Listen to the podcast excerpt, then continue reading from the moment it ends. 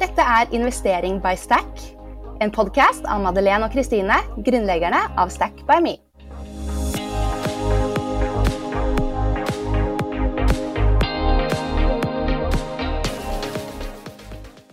Podkasten er sponset av 247 Office, som er favorittregnskapssystemet vårt. Hallo, velkommen til Investering by Stack. I dag skal vi snakke om aksjemarkedet, og med i studio er Stack COO Anita Olsrud. Hei. Ja, hyggelig at du kaller meg inn på teppet her i poden av og til. Ikke sant? Du er jo min eh, go-to når det er komplekse ting jeg lurer på. For med din eh, erfaring da, så føler jeg at du alltid ser liksom ting i et eh, større bilde. Og det liker jeg, fordi du, du begynte jo å jobbe med aksjer allerede i 1998. og det er bare helt sykt kult, den reisen du har hatt. Da satt du jo fysisk på børsen og tok imot ordre. Ja, det var sånn det var før alt ble digitalt. Så det har jo vært litt av en reise, altså. Apropos eh, digital aksjehandel, da, sånn som det har blitt nå. Så eh, det er jo mange lyttere her på poden som ikke har startet å investere ennå. Så vi må jo nesten tipse om at eh, alle som kjøper fond for første gang denne uken her, for minimum 1000 kroner, de får 300 kroner inn på porteføljen sin i tillegg. Så, så, da burde det jo være en kjempegod grunn til å kanskje faktisk gjøre det nå, da, denne uken. Ja, absolutt. Å starte med positiv avkastning er jo utrolig bra. Ja, ikke sant? Det er akkurat det vi vil. Men det har jo skjedd veldig mye de siste ukene. Og det er jo da tid da, for en markedsoppdatering igjen. Det har vært eh, bankuro i USA og Europa som har skapt masse usikkerhet og fallende aksjekurser de siste ukene. I tillegg så har det vært en mild vinter, proppfulle lagre og fortsatt resesjonsfrykt, som uh, har gitt fallende olje- og gasspriser veldig. Og resultatet har jo vært kursfall, uh, kursfall i alle energiaksjer. Ja. Som vi har snakka om i en tidligere podkast, Kristine, så klarte Oslo Børs seg godt gjennom 2022. Oslo Børs falt 1% mens verdensindeksen var ned 18 at Oslo Børs klarte seg så bra gjennom 2022, skyldes i stor grad energisektoren.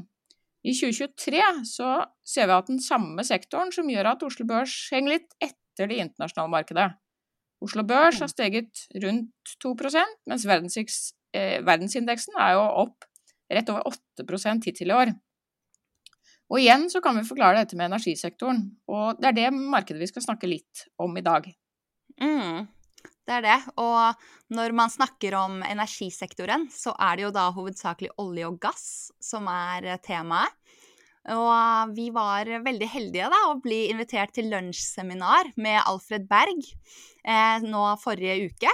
Der var det Sindre Knutson, som er senior vice president i Rystad Energi, og Theodor Sveen Nilsen, som er analytiker i Sparebank1 Markets, som ga oss et innblikk i sine analyser og tanker om hva som kommer til å skje fremover. Og disse gutta de er jo ofte ute og melder i DN og sånn, så det var litt gøy. Og temina, eh, Temaet da, for dette seminaret, det var 'Er energikrisen over?' Ja, og det er jo ikke godt å si. Men vi skal i alle fall fortelle Nei. litt om hva vi sitter igjen med, da, etter å ha hørt de snakke. mm, det er det. Så for å starte med en liten refleksjon eh, der, da. Når de sier 'er energikrisen over', så tenker jeg litt sånn Hva menes egentlig da? Fordi i fjor så steg jo da, som sagt, ikke sant, energisektoren med 50% på Oslo Børs. Og det er jo det beste året på veldig lenge. Så hva er det da egentlig som er krise? Fordi vanligvis så stuper jo aksjemarkedet når det er krise, men her er det motsatt. Fordi Eller da tenker han at er det pga. krigen i Ukraina og sanksjonene mot Russland som førte til at det da ble så underskudd av energi at derfor prisene steg så ekstremt? Det er jo et veldig godt spørsmål. Eller ja, det vil si, bra. det er mange spørsmål der. Ja. For å dele det litt opp, eh, når vi snakker om energikrise her, så kan vi se på tilbud og etterspørsel av energi. Tilbudssiden av energi ble i fjor påvirket av flere faktorer. Krigen i Ukraina er en av dem. Stopp i gass fra Russland til Europa er en annen faktor samtidig som flere atomkraftverk og kullkraftverk har blitt stengt ned. så har dette ført til mindre energiproduksjon.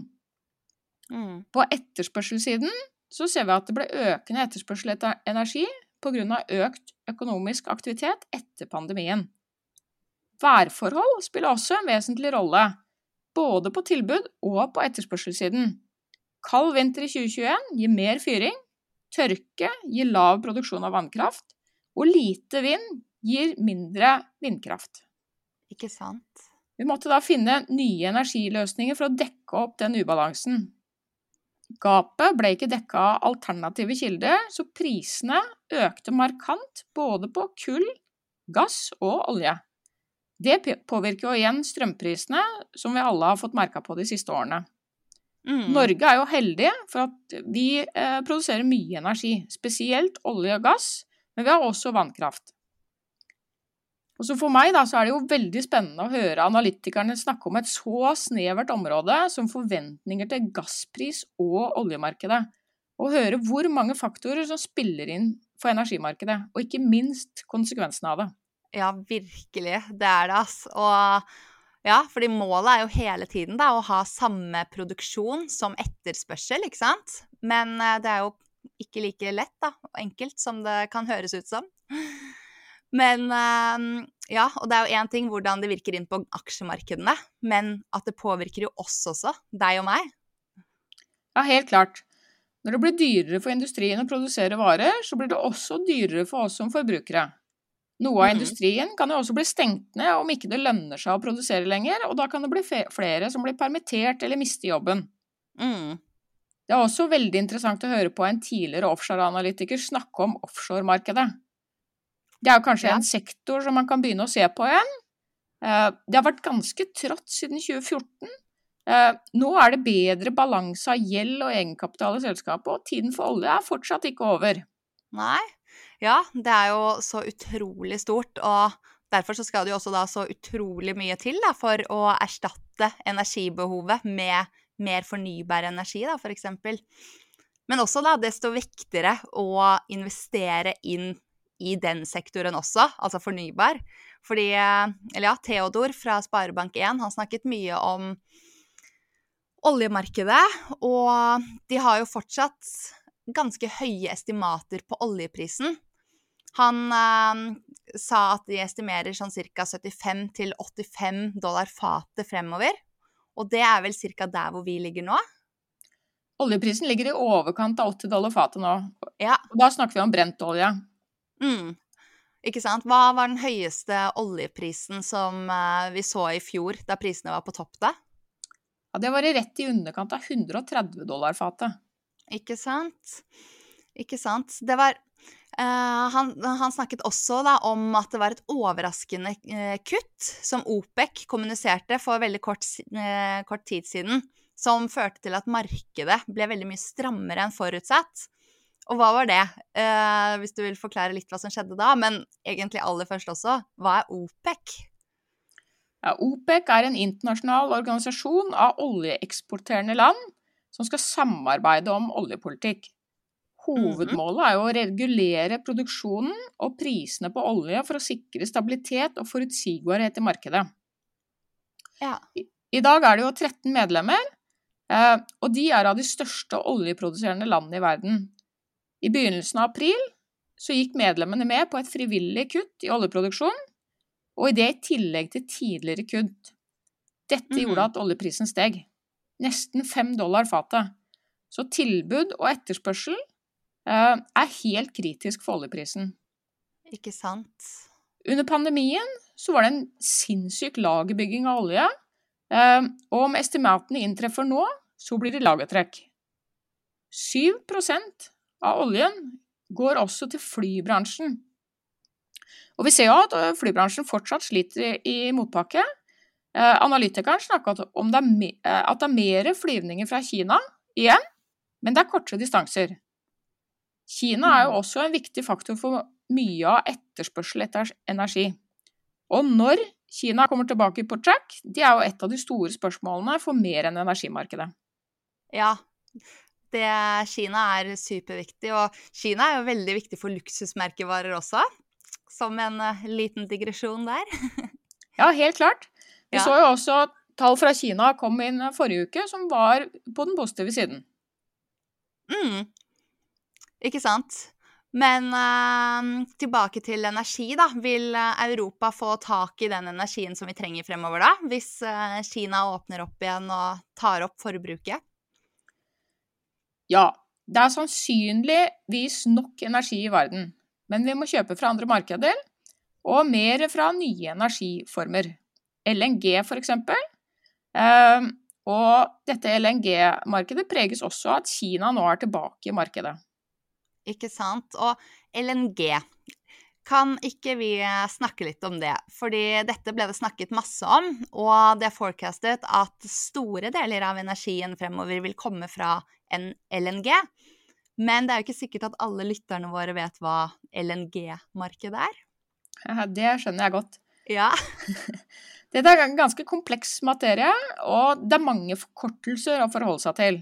Mm. LNG står jo for liquefied natural gas, som er en naturgass som er gjort flytende ved hjelp av at den kjøler den ned. Det gjør at gassen kan transporteres over lange distanser uten at man trenger rø rørledninger. Ikke sant. Og dette går jo ikke da eh, under fornybar energi på eh, ja, noen måte, men Eh, det er mer det at det er en effektiv måte å utnytte og transportere gassen, da, om jeg har forstått det riktig? Ja. Og LNG har jo dekka det gapet som skjedde i markedet da Russland forsvant fra markedet i 2022. Rystad mm. pekte også på at det er et globalt underskudd av LNG going forward, så det kan nok forventes kurssvingninger i det markedet òg. Ja, men uh, ikke sant. Hva var det som uh, skjedde i 2022, da, som var så viktig for gassmarkedet?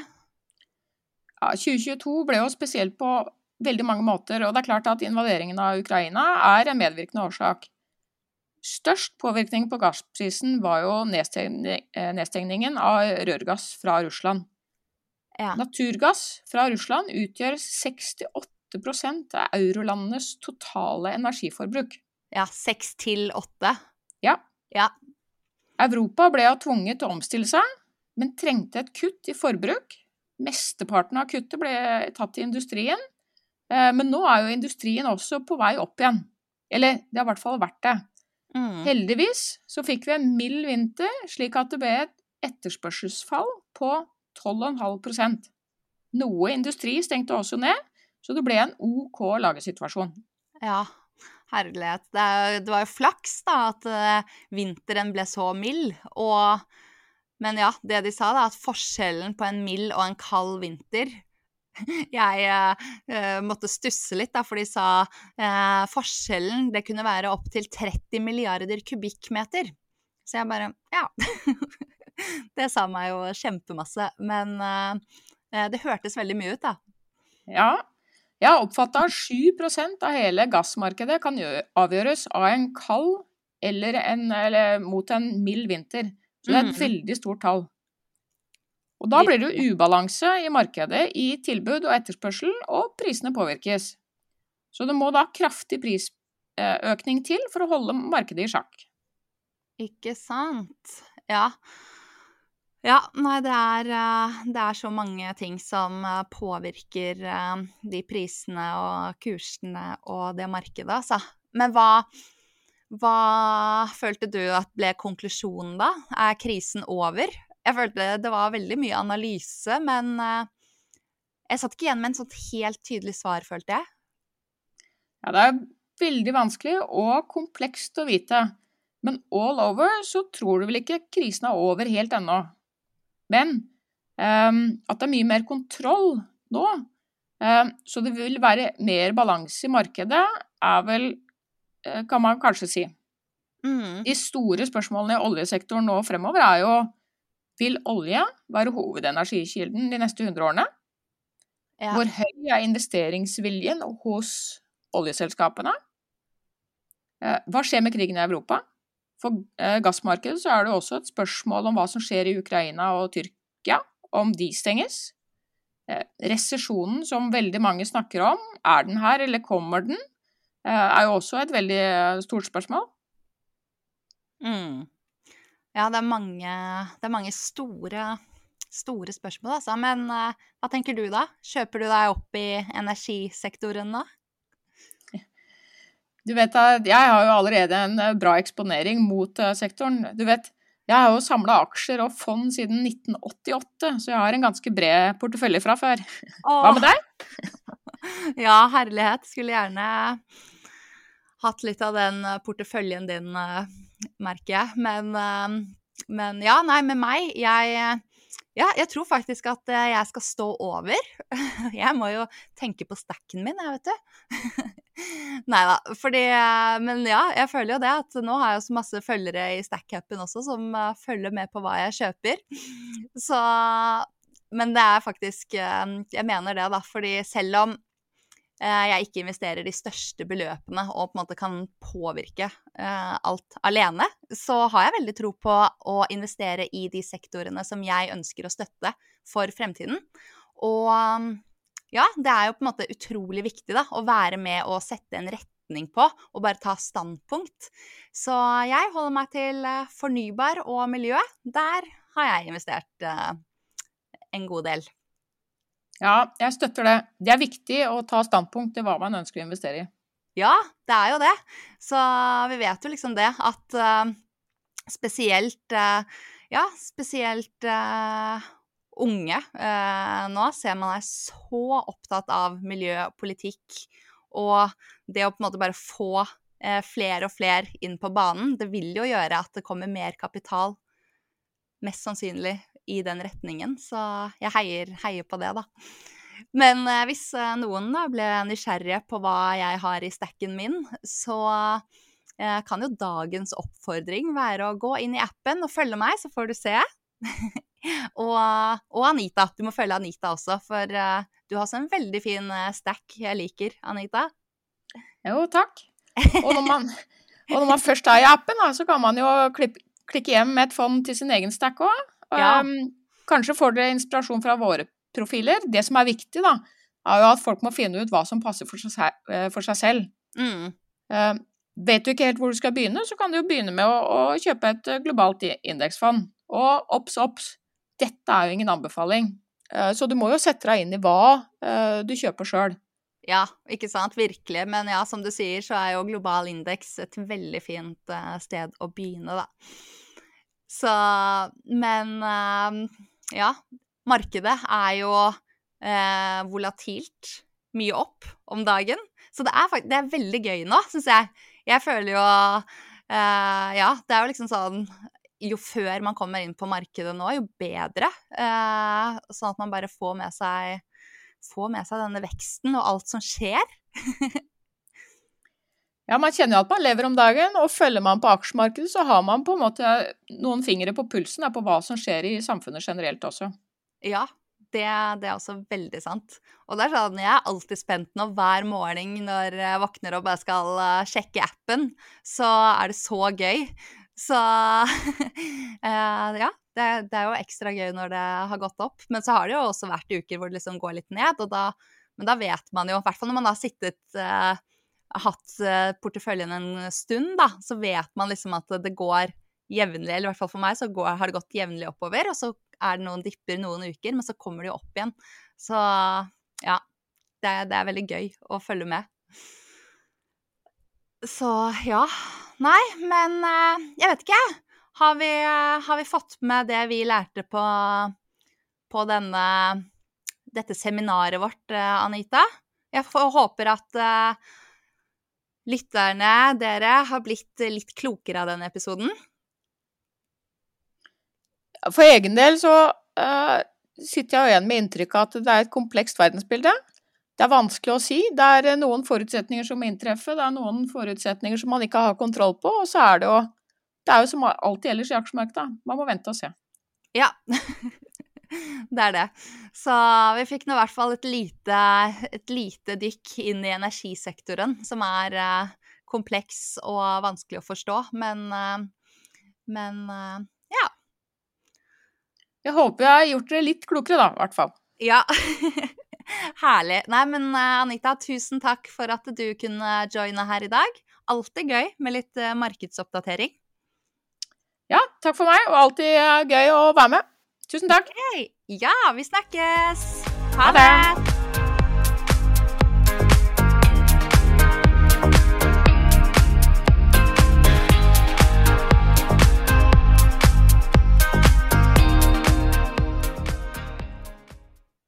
Sies at denne podkasten må anses som markedsføringsmateriell, og innholdet er aldri en investeringsanbefaling.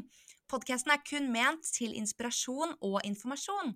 Så innholdet i podkasten bygger på offentlige, tilgjengelige kilder som Stack anser som pålitelige, men vi kan ikke gi noen garanti for nøyaktighet og fullstendighet bak dette.